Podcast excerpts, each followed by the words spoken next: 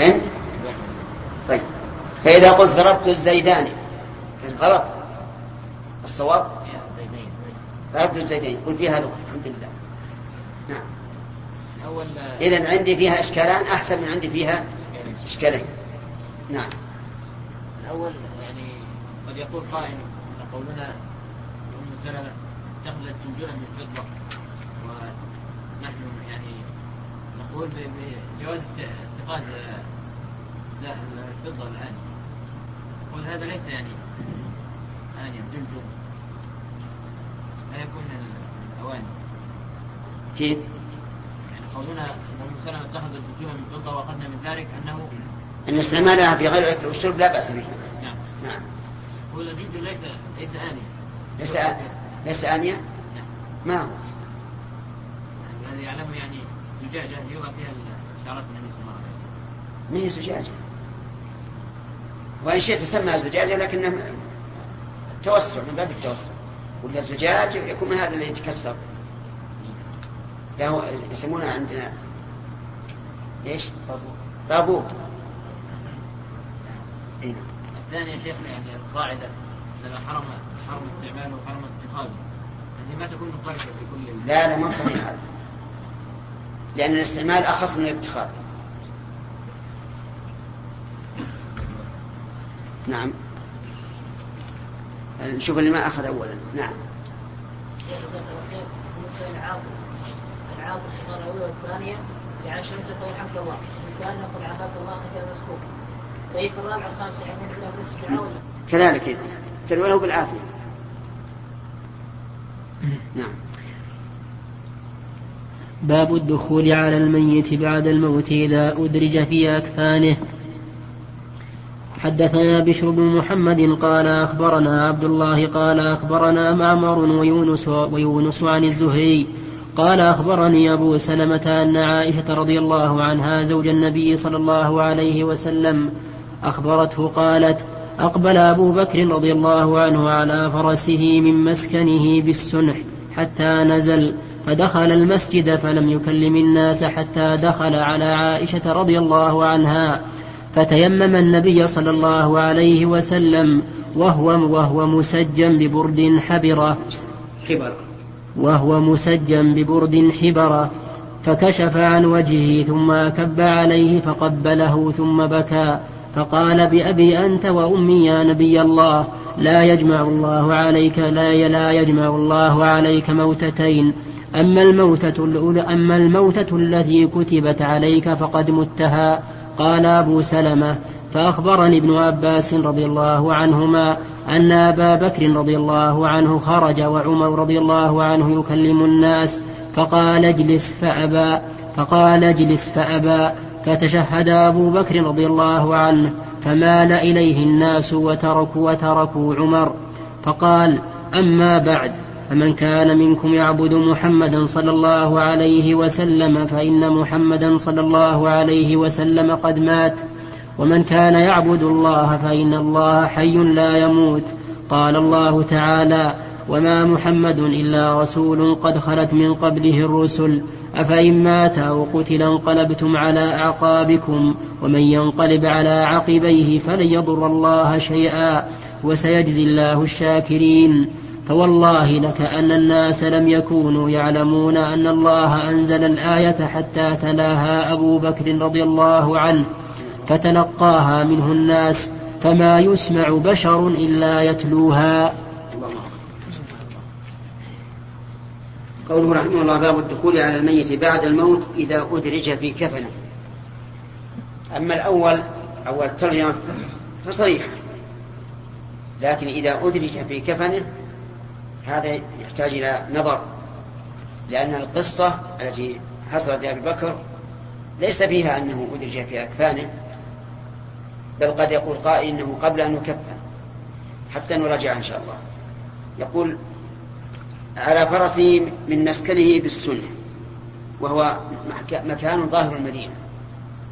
وإنما خرج رضي الله عنه لأن النبي صلى الله عليه وسلم في ذلك الصباح اطلع عن الناس وهم يصلون صلاة الفجر كما مر عليه حتى كادوا يفتتنون وهو يتبسم عليه الصلاة والسلام. ورأوا أنه أبرأ ما يكون في ذلك اليوم. وقد ذكروا أن بني هاشم إذا اشتد بهم المرض ثم خف فإنه دليل على دنو أجلهم. سبحان الله. على كل حال خرج أبو بكر. لأنه اطمأن على صحة النبي صلى الله عليه وسلم واستبعد أن يموت من يومه. ولكنه لما ارتفع النهار توفي صلوات الله وسلامه عليه. وارتبك الناس ارتباكا عظيما. واجتمعوا في المسجد. وكانت المدينة كما قال أنس رضي الله عنه قدم النبي صلى الله عليه وسلم المدينة فأضاء منها كل شيء. ولما مات أظلم منها كل شيء. وجاء عمر وكما تعلمون عمر رضي الله عنه شديد الشكيمة. وغاب عن ذهنه من شدة الوقع. غاب عن ذهنه وعن أذهان الناس آيات صريحة في أن رسول الله صلى الله عليه وسلم سيموت. وجعل يخطب الناس ويقول إن النبي صلى الله عليه وسلم لم يمت. ولكنه يعني أغمي عليه ولا يبعثنه الله فليقطعن أيدي أناس وأرجلهم. وقام يتكلم. أبو بكر رضي الله عنه دخل ومن المعلوم دخوله سيكون من المسجد لأن لأن بيت عائشة بابه على المسجد. مر بالناس وهم على هذا الحال ودخل على النبي صلى الله عليه وسلم ولم يعرج على أحد سواه. لا على بنته المصابة عائشة رضي الله عنها ولا غيره. تيمم النبي صلى الله عليه وسلم وهو مسجن ببرد حبرة فكشف عن وجهه ثم أكب فقبله ثم بكى رضي الله عنه. بكى لفقد النبي صلى الله عليه وسلم الذي بفقده سيفقد الوحي من الأرض وهو أخص الناس به وأحب الناس إليه ثم بكى وقال بأبي أنت يا نبي الله. يعني أفديك بأبي أنت يا نبي الله. لا يجمع الله عليك موتتين. يعني أن الرسول عليه الصلاة والسلام سيكون حيا في قبره لكنها حياة برزخية كحياة الشهداء وليست حياة دنيوية كحياتنا ولو كان كذلك ما دفنه الصحابة رضي الله عنهم ولا تسمى بقية الكلام على هذا الحديث لأهميته. محاسن الحي التي عهد عليها ولذلك أمر بتغميضه وتغطيته كان ذلك مظنة للمنع من كشفه حتى قال النخعي ينبغي ألا يطلع عليه ألا يطلع عليه إلا الغاسل إلا الغاسل له ومن يليه. فترجم البخاري على جواز ذلك. نعم. إلا الغاسل. إلا الغاسل إلا الغاسل له ومن يليه. فترجم البخاري على جواز ذلك. ثم ورد فيه ثلاثة أحاديث. وهذا حقيقة الغالب أن الإنسان إذا مات يتغير وجهه. لكن بعض الأموات كما حدثنا يتغير وجهه إلى أحسن. يتغير وجهه إلى أحسن. وهذا بشرى خير. إن الإنسان إذا تغير وجهه إلى أحسن بعد الموت فهو يدل على أنه بشر عند موته بالجنة وما زال أثر البشارة على وجهه حتى خرجت روحه. أما مسألة الحضور فقد ذكر الفقهاء رحمهم الله أنه يكره حضور غير الغاسل ومن يعينه. لأنه لا داعي لذلك. نعم. فترجم البخاري على جواز ذلك ثم أورد فيه ثلاثة أحاديث. أولها حديث عائشة في دخول أبي بكر على النبي صلى الله عليه وسلم بعد أن مات وسيأتي مستوفى وسيأتي مستوفا في باب الوفاة آخر المغازي. ومطابقته للترجمة واضحة كما, سن كما سنبينه. وأشد ما فيه إشكال قول أبي بكر لا يجمع الله عليك موتتين وعنه أجوبة. فقيل هو على حقيقته وأشار بذلك إلى الرد على من زعم أنه سيحيا أنه سيحيا فيقطع, فيقطع أيدي رجال لأنه لو صح ذلك للزم أن يموت موتة أخرى. فأخبر أنه, فأخبر أنه أكرم على الله من أن يجمع عليه موتتين كما, كما جمعهما على غيره كالذين خرجوا من ديارهم وهم ألوف وكالذي مر على قرية. وهذا أوضح الأجوبة وهذا أوضح الأجوبة وأسلمها. وقيل أراد لا يموت موتة أخرى في القبر كغيره إذ يحيا ليسأل ثم يموت. وهذا جواب الداودي. وقيل لا يجمع الله؟ الداودي. وقيل لا يجمع الله موت وقيل لا يجمع الله موت نفسك وموت شريعتك. وقيل كنا بالموت الثاني عن الكرب أي لا تلقى بعد كرب هذا الموت كربا آخر. ثانيها حديث أم العلاء الأنصارية في قصة عثمان بن مضعون طيب الشاهد. نعم. قال ودلالة الأول والثالث مشكلة. لأن أبا بكر إنما دخل آه لأن أبا بكر إنما دخل قبل الغسل فضلا عن التكفين وعمر نعم. فضلا عن التكفين نعم لأن أبا بكر إنما دخل قبل الغسل نعم. فضلا عن التكفين نعم. وعمر ينكر حينئذ أن يكون مات ولأن جابرا كشف الثوب عن وجهه ولأن جابرا كشف الثوب عن وجه أبيه قبل تكفينه وقد يقال في الجواب عن الأول إن الذي وقع دخول أبي بكر على النبي صلى الله عليه وسلم وهو مسجى أي مغطى فيؤخذ منه أن الدخول على الميت يمتنع ألا يمتنع إلا إلا إن كان مدرجا في أكفانه أو في حكم المدرج لئلا لئلا يطلع منه على ما يكره لئلا يطلع لئلا يطلع منه على ما يكره الاطلاع عليه.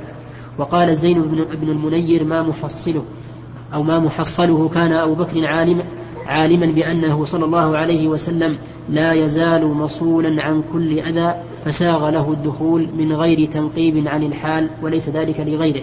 وأما الجواب عن حديث جابر فأجاب ابن المنير أيضا بأن ثياب الشهيد التي قتل فيها هي أكفانه فهو كالمدرج. ويمكن أن يقال نهيهم له عن كشف وجهه يدل على يدل على المنع من يدل على المنع من الاقتراب من الميت ولكن يتعقب بأنه صلى الله عليه وسلم لم ينهه. ويجاوب بأن عدم نهيهم عن عن نهيه يدل على تقرير نهيهم. فتبين أن الدخول الثابت في الأحاديث الثلاثة كان في حالة الإدراج أو في حالة تقوم مقامها. ما هو أقول الجواب ما هو اللهم إلا أن كان البخاري رحمه الله يشير إلى أحاديث أخرى. العين ما ذكر شيء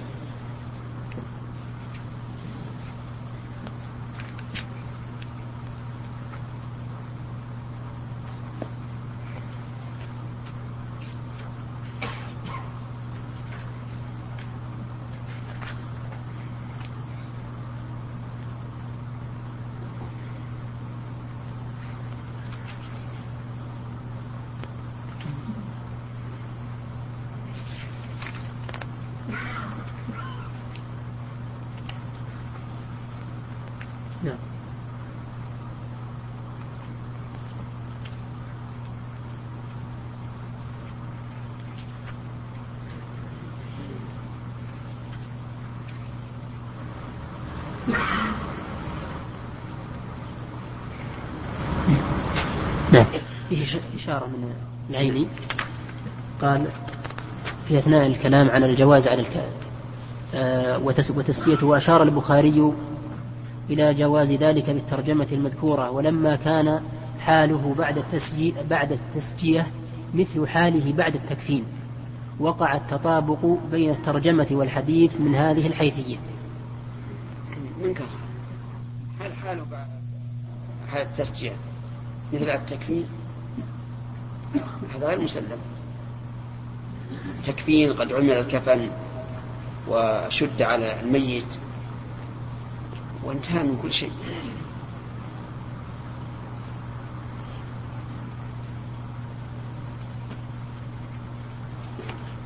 على كل حال ما, ما, ما ندري عند البخاري رحمه الله.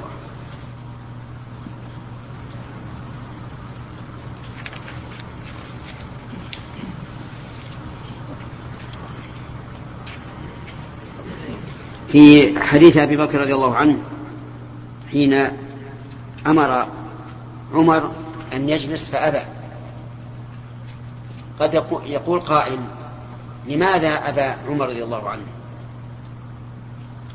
والجواب سهل أنه لشدة ما يجد خاف أن يتكلم أبو بكر بخلاف ما عنده وهو يرى عمر أنه على صواب. وحينئذ لا إشكال. لا يقال إن إن عمر رضي الله عنه عصى صاحبه أبا بكر تمردا بل يقال تأويلا لأنه خاف أن يتكلم أبو بكر بشيء يخالف ما, ما قال عمر وهو يحب وهو يحب أن يتكلم أبو بكر بمثل ما قال.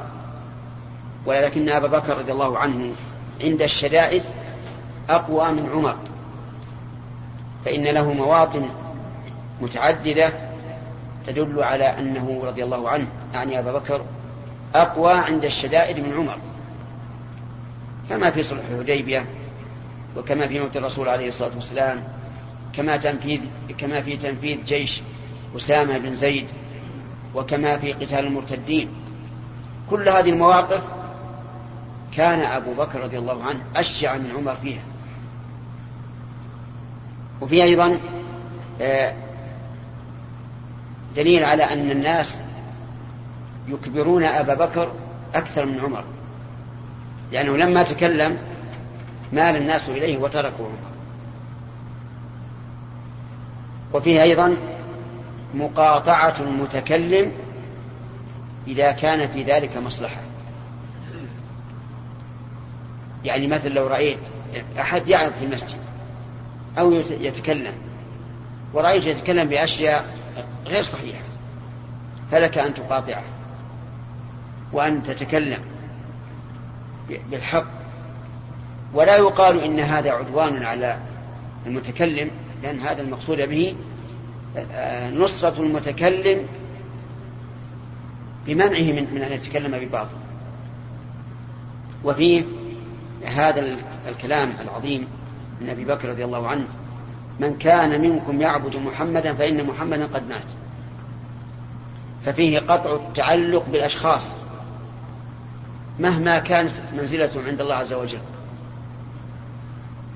وأن أحدا من الناس ليس أهلا أن يعبد من دون الله ولا أن يعبد مع الله ولو كان أشرف الخلق عند الله عز وجل.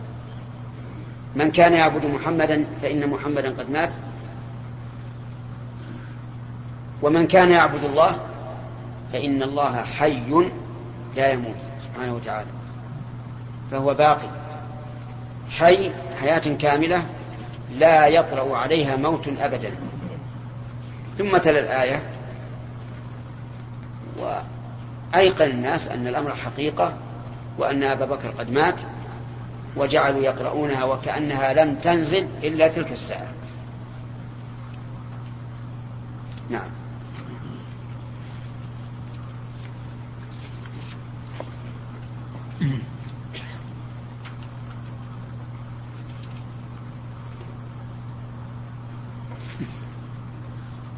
قال رحمه الله تعالى حدثنا يحيى بن بكير قال حدثنا الليث عن عقيل عن ابن شهاب أنه قال أخبرني خارجة بن زيد بن ثابت أن أم العلاء أن أم العلاء امرأة من الأنصار بايعت النبي صلى الله عليه وسلم. أخبرته أنه اقتسم المهاجرون قرعة فطار لنا عثمان بن مضعون فأنزلناه في أبياتنا فوجع وجعه الذي توفي فيه فلما توفي وغسل وكفن في أثوابه دخل وكفن في أثوابه دخل رسول الله صلى الله عليه وسلم. فقلت رحمة الله عليك أبا السائب فشهادتي عليك لقد أكرمك الله. فقال النبي صلى الله عليه وسلم وما يدريك أن الله قد أكرمه. فقلت بأبي أنت يا رسول الله فمن يكرمه الله؟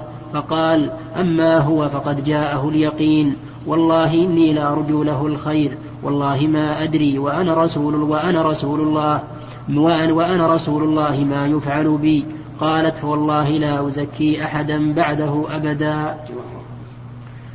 حدثنا سعيد. في هذا الحديث جواز مخاطبة الميت تنزيلا له منزلة الحي الذي يشعر لأنها خاطبت رحمة الله عليك أبا السائل.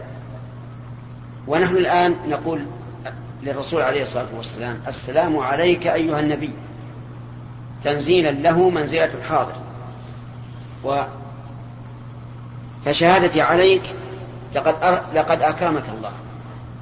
ومن يكرمه ومن يكرمه الله فما له من مهين.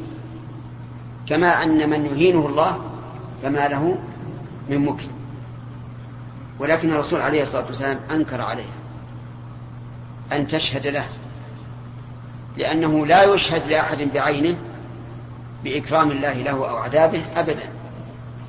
الأمر ليس هينا. فقال النبي صلى الله عليه وسلم وما يدريك أن الله أكرمك وما يدريك أن الله أكرمك. وإذا كنت لا تدرين فلماذا تشهدين؟ فقلت بأبي أنت يا رسول الله. فمن يكرمه الله؟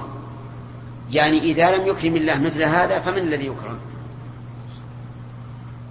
ولكن النبي صلى الله عليه وسلم أجابها بقوله أما هو فقد جاءه اليقين. وإني كلام الرسول. والله إني لأرجو له الخير.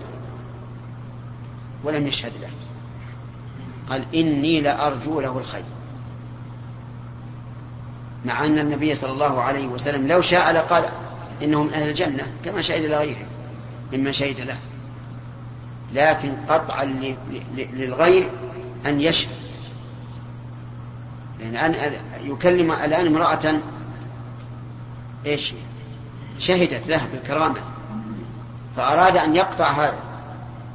قال إني لأرجو له الخير. والله ما أدري وأنا رسول الله ما يفعل بي وهو الرسول عليه الصلاة والسلام لا يدري ما يفعل الله به. لو شاء الله عز وجل أن يريده بسوء ما لم يجره أحد منه. قال الله تعالى قل ما كنت بدعا من الرسل وما أدري ما يفعل بي ولا بكم. وقال الله له قل إني لا أملك لكم ضرا ولا رشدا. قل إني لن يجيرني من الله أحد ولن أجد من دونه ملتحدا. لا أجد أحد أميل إليه من دون الله عز وجل. إلا بلغ من الله هذه استثناء منقطع لكن لا يعني المعنى لكن شأني هو البلاغ. قالت فوالله لا أزكي أحدا بعده أبدا. وهذا حق. لا تزكي أحدا في أمر الآخرة. لكن في أمر الدنيا لا بأس أن تزكي.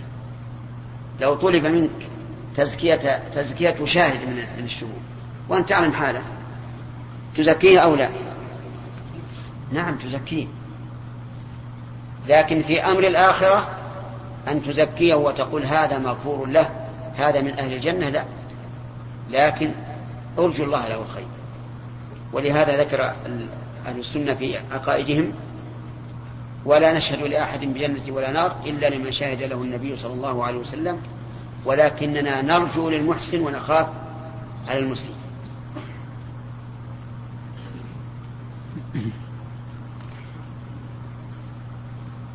وإذا كان هذا في مثل هذا الصحابي رضي الله عنه فكيف بغير من الناس؟ الآن يتصارع بعض الناس مع الأسف على فلان وفلان هذا في كذا وهذا في كذا وهذا في كذا فنقول ليس لكم حق في المصارعة. هؤلاء ماتوا وحسابهم على الله ولا يدري ما يفعل الله بهم. لكن عليكم بشؤونكم فإن من حسن إسلام المرء تركه ما لا يعنيه. نعم. حدثنا سعيد بن عفير قال حدثنا الليث مثله وقال نافع بن يزيد عن عقيل ما يفعل به وتابعه شعيب وعمر بن دينار ومعمر. حدثنا محمد يعني ما يفعل به بدل ما يفعل به. حدثنا محمد بن بشار قال حدثنا غندر قال حدثنا شعبة قال سمعت محمد بن المنكدر قال سمعت جابر بن عبد الله رضي الله عنهما قال قال لما قتل أبي جعلت أكشف الثوب عن وجهه أبكي وينهو وين وينهوني والنبي صلى الله عليه وسلم لا ينهاني فجعلت عمتي فاطمة تبكي فقال النبي صلى الله عليه وسلم تبكين أو لا تبكين؟ ما, ما زالت الملائكة تظله بأجنحتها حتى رفعتموه. تابعه ابن جريج قال أخبرني ابن المنكدر أنه سمع جابرا رضي الله عنه. هذا شاهد واضح أنه آه، كشف الثوب عن وجهه لأن ثوب الشهيد بمنزلة الكفن وتعلمون أن الثياب في ذلك الوقت قمص وأزر وأردية نعم.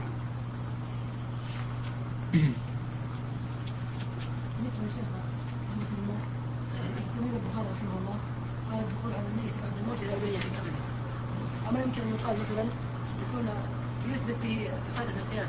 نعم. على الدخول يثبت به إفادة القياس. إيش؟ ليدل على جواز القياس على الدخول عليه قبل الله. لا. حفظك الله شيخ هل في هذا حديث المتقدم ان النبي صلى الله عليه وسلم نهى المرأة التي ذكرت. قالت إني شهدت على عثمان بن نظران رد على من قال بأن الأئمة الأربعة من أهل الجنة نشهد لهم بذلك. في أحاديث أخرى غير هذا. فإن الصحابة لما أثنوا على الجنازة قال وجبت. وقال الله عز وجل وكذلك جعلناكم أمة وسطا لتكونوا شهداء على الناس. نعم.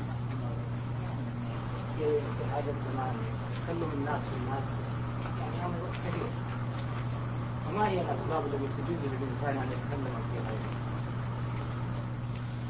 الأسباب مع الأسف الشديد أنه صار يعني آه، الكلام في بعض العلماء على أساس حزبي. لأن هذا العلماء مثلا من الطائفة الفلانية أو من الطائفة الفلانية. ولا لو كان آه، يعني لا لا يدرى من أي حزب هو ما تكلموا فيه. لكن نظر إلى أنه من الأحزاب الفلانية أو الفلانية صاروا يتكلمون. وهذا من الشيطان بلا شك.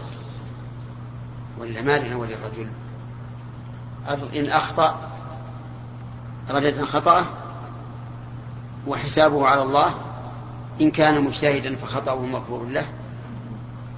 وإن أصاب أخذنا, أخذنا إصابته. لأن الحق يجب أن يؤخذ من أي إنسان.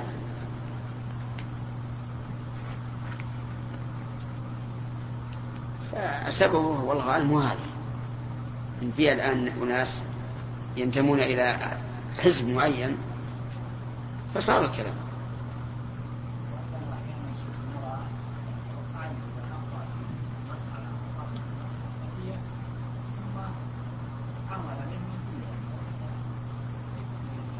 هذا من الغلط. العالم إذا أخطأ وقد عرف بأنه ناصر للسنة قامع للبدعة حريص على إقامة الشريعة. إذا أخطأ يجب أن يلتمس له العذر. هذا هو الواجب. لأن مثل هذا نعلم أنه مجتهد. والمجتهد له على الأقل له أجر واحد. فنلتمس له العذر ونقول ليس هو أول من أخطأ في اجتهاده. ولا ولا يجوز إطلاقا أن نجعل من خطأه سلما للقدح فيه نبينا محمد وعلى آله وأصحابه أجمعين. أما بعد فقد قال الإمام البخاري رحمه الله تعالى في صحيحه كتاب الجنائز باب الرجل ينعى إلى أهل الميت بنفسه.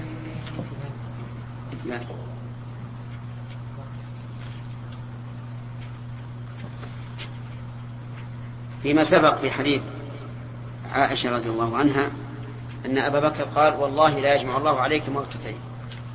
وذكر الحافظ بن حجر رحمه الله في ذلك أقوالا. وذكرنا في الأول أن المراد بذلك أن الرسول عليه الصلاة والسلام سيكون حيا في قبره لكن حياة برزخية.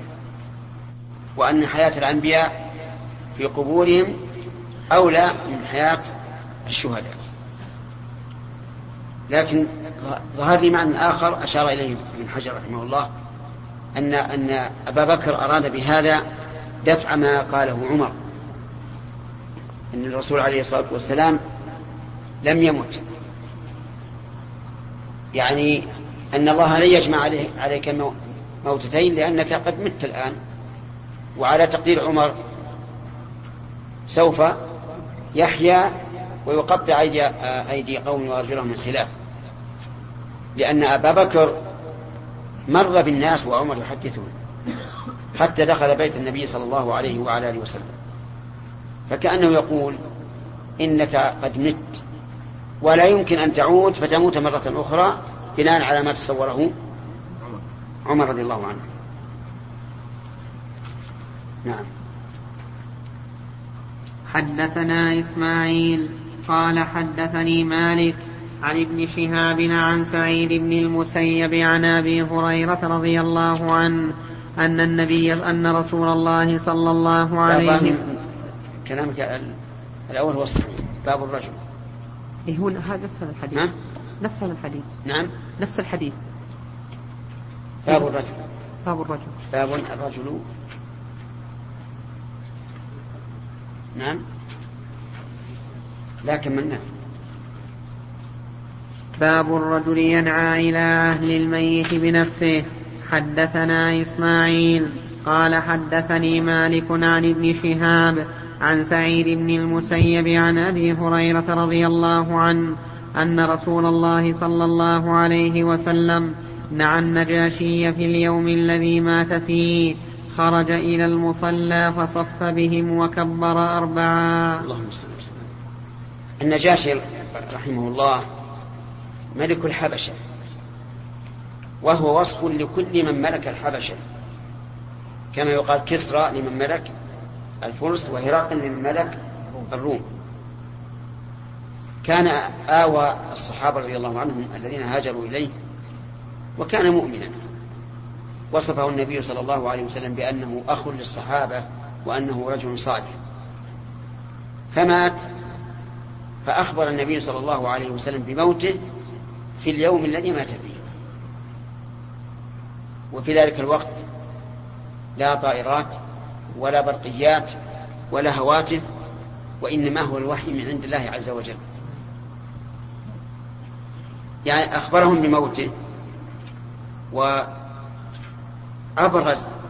عليه الصلاة والسلام كرامة هذا الرجل حيث خرج بهم إلى المصلى والمراد به مصلى العيد. إظهارا لفضله رحمه الله.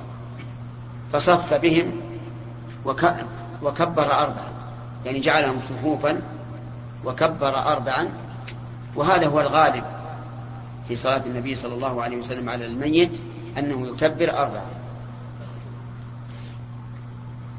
في هذا الحديث جواز النعي وقد ثبت عن النبي صلى الله عليه وعلى آله وسلم أنه نهى عن النعي والجمع بينهما أن النعي الذي يراد به كثرة, كثرة المصلين على الميت والمشيعين لا بأس به لأن في ذلك مصلحة للميت وللمشيعين.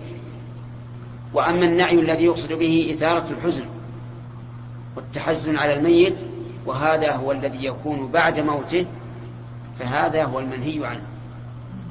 لكن إذا نعي بعد موته لسبب بأن يكون هذا الرجل كثير المعاملة مع الناس وله أخذ وعطاء ويخشى أن بعض الناس لم يعلم بموته يكون له الحق على الميت أو للحق أو للميت الحق عليه. فيكتب عنه من أجل أن يعلم الناس بموته فهذا لا بأس به. يوجد والعياذ بالله نعي تنشر بعض الصحف. تجد ينعى الميت يخاطب يا فلان كنت معنا بالأمس وفقدناك وفعلنا وفعلنا حتى إن الذي يقرأه ربما يبكي وهو لا يدري من هذا الرجل الذي مات. هذا لا يجوز لا شك فيه. وأن هذا من, من النعي المنهي عنه. ثم إنه يفتح أبوابا كثيرة بالنسبة لحدوث مثل هذا الكلام. وإذا وقع في أيدي النساء فسوف تتأثر النساء. وفي هذا دليل على جواز الصلاة على الغائب. لأن النبي صلى الله عليه وعلى آله وسلم خرج بهم وصلى بهم. فاختلف العلماء رحمهم الله في هذه المسألة في الصلاة على الغائب. هل يصلى على كل ميت غائب؟ أو لا يصلى على أحد إلا من لم تؤد الصلاة عليه. أو لا يصلى إلا على من له فضل وأياد على المسلمين. المهم أن العلماء اختلفوا في هذا. فمنهم من بالغ في الصلاة على الغائب حتى قال ينبغي للإنسان إذا أتى إلى فراشه أن يصلي صلاة الجنازة على من مات من المسلمين في هذا اليوم. ولا شك أن هذا بدعة وأنه لا يجوز القول به. لكن العلماء رحمهم الله بعضهم يتوسع في القياس فيقول ما دام ثبت أصل أصل الصلاة على الغائب فأي مانع يمنع من أن نصلي عند آخر كل ليل كل نهار على كل من مات من المسلمين في هذا في هذا اليوم. فيقال المانع أن الرسول عليه الصلاة والسلام أشد الناس رأفة بالمؤمنين. ومع ذلك ما كان يصلي ولا يفعل ولا الخلفاء الراشدون. وبعضهم قال يصلى على كل غائب بعينه لا على سبيل العموم. يعني مثلا مات شخص صاحب لنا أو آه، صديق أو ما أشبه ذلك فنصلي عليه. سواء كان له آه، شرف وجاه وفضل في المجتمع أم لا. وبعضهم قال يصلى على كل من له غناء على المسلمين بعلمه أو ماله أو جهاده أو ما أشبه ذلك. وأما عامة الناس فلا يصلى عليه. والقول الأخير وهو الصحيح أنه لا يصلى على أي غائب إلا من لم يصلى عليه. كرجل فقد في مفازة ولم يعثر على جسمه أو غرق في البحر أو ما أشبه ذلك. فهذا يصلى عليه.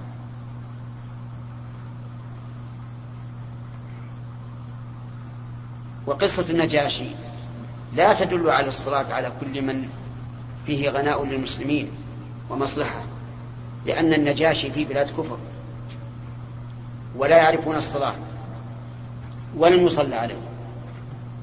فصلى عليه النبي صلى الله عليه وسلم. ويدل لهذا القول الراجح أنه مات أعيان من الصحابة رضي الله عنهم في علمهم وفي جهادهم وفي آه، نفق إنفاقهم ولم يصلى عليهم. نعم. حدثنا أبو معمر قال حدثنا عبد الوارث قال حدثنا أيوب عن قال حدثنا أيوب عن حميد بن هلال عن أنس بن مالك رضي الله عنه قال قال النبي صلى الله عليه وسلم أخذ الراية زيد فأصيب ثم أخذها جعفر فأصيب ثم أخذها عبد الله بن رواحة فأصيب وإن عيني رسول الله صلى الله عليه وسلم لتذرفان ثم أخذها خالد بن الوليد من غير إمرة ففتح له.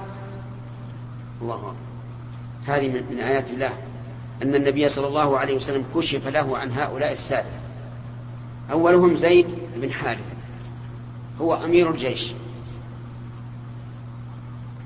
ثم بعد ذلك جعفر بن أبي طالب. وهو الرجل الشجاع المعروف. ثم بعدها عبد الله بن رواحة رضي الله عنه. كلهم أصيبوا قتلوا. أخذها خالد بن وليد. من غير إمرة يعني من غير أن يؤمر من قبل الرسول صلى الله عليه وسلم. لكن رأى أن المصلحة هو أن يأخذ الراية ويقود الجيش. ففتح له. أما الأولون الثلاثة الأولون فإنهم قد أمرهم النبي صلى الله عليه وسلم. فقال أميركم زيد فإن قتل فجعفر فإن قتل فعبد الله بن رواحة. وكأن النبي صلى الله عليه وسلم يقرأ ذلك عن ظهر قلبه. أنهم سيقتلون رتبهم أما خالد فلم يؤمره الرسول صلى الله عليه وسلم. لكنه أمر نفسه لدعاء الحاجة والضرورة إلى ذلك. ففتح الله له. حيث انحاز بالجيش وسلم من الجموع العظيمة التي أتت بها الروم. ولهذا جعل النبي صلى الله عليه وسلم سلامته جعلها فتحا. الشاهد من هذا أن أن النبي صلى الله عليه وسلم نعى هؤلاء الثلاثة. أخبر بموته. لكنه عليه الصلاة والسلام لم يذهب يتقدم مثلا إلى بالثناء عليهم وغير ذلك مما يفعل اليوم. هذه الأحاديث في الواقع لا نجد فيها مناسبة للترجمة. باب الرجل ينعى إلى أهل الميت بنفسه وفي نسخة نفسه. لعلنا نقرأ الترجمة.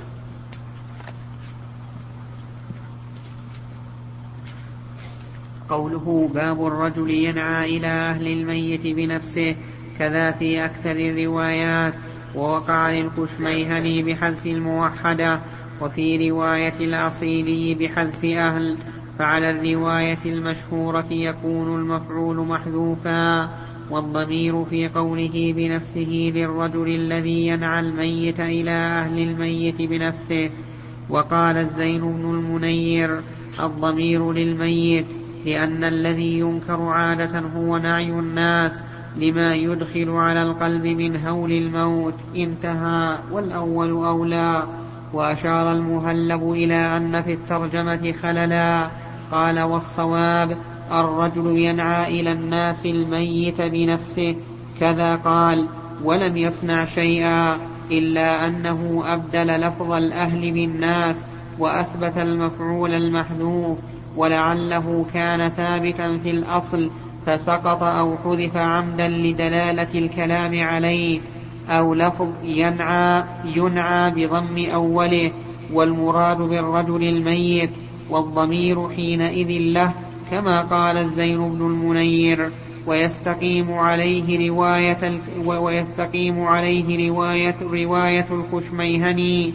وأما التفكير وأما التفكير بالأهل فلا خلل فيه لأن مراده به ما هو أعم من القرابة وهو, وهو أخوة الدين وهو أولى من التعبير بالناس.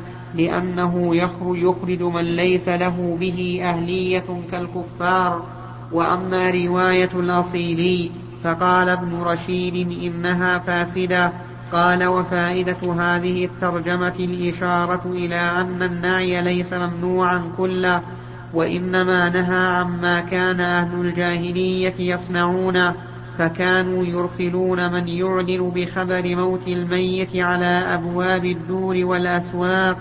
وقال ابن المرابط مراده أن النعي الذي هو إعلام الناس بموت قريبهم مباح وإن كان فيه إدخال الكرب والمصائب على أهله لكن في تلك المفسدة مصالح جمة لما يترتب على معرفة ذلك من المبادرة من المبادرة لشهود جنازته وتهيئة أمره والصلاة عليه والدعاء له. والاستغفار وتنفيذ وصاياه وما يترتب على ذلك من الأحكام.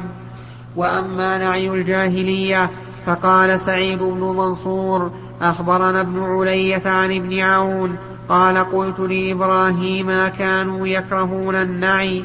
قال نعم.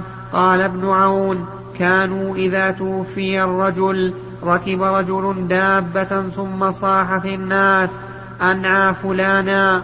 وبه إلى ابن عون قال ابن سيرين لا أعلم بأسا أن يؤذن, أن يؤذن الرجل صديقه وحميمه وحاصله أن محض الإعلام بذلك لا يكره فإن زاد على ذلك فلا وقد كان بعض السلف يشدد في ذلك حتى كان حذيفة إذا مات له الميت يقول لا تؤذنوا به أحدا إني أخاف أن يكون نعيا إني سمعت رسول الله صلى الله عليه وسلم بأذني هاتين ينهى عن النعي أخرجه الترمذي وابن ماجة بإسناد حسن. وقال ابن العربي يؤخذ من مجموع الأحاديث ثلاث حالات. الأولى إعلام الأهل والأصحاب وأهل الصلاح فهذا سنة. الثانية دعوة الحفل للمفاخرة. أيها الإخوة لم يتم التعليق في هذا الشريط ويمكن إتمامه في الشريط الذي يليه.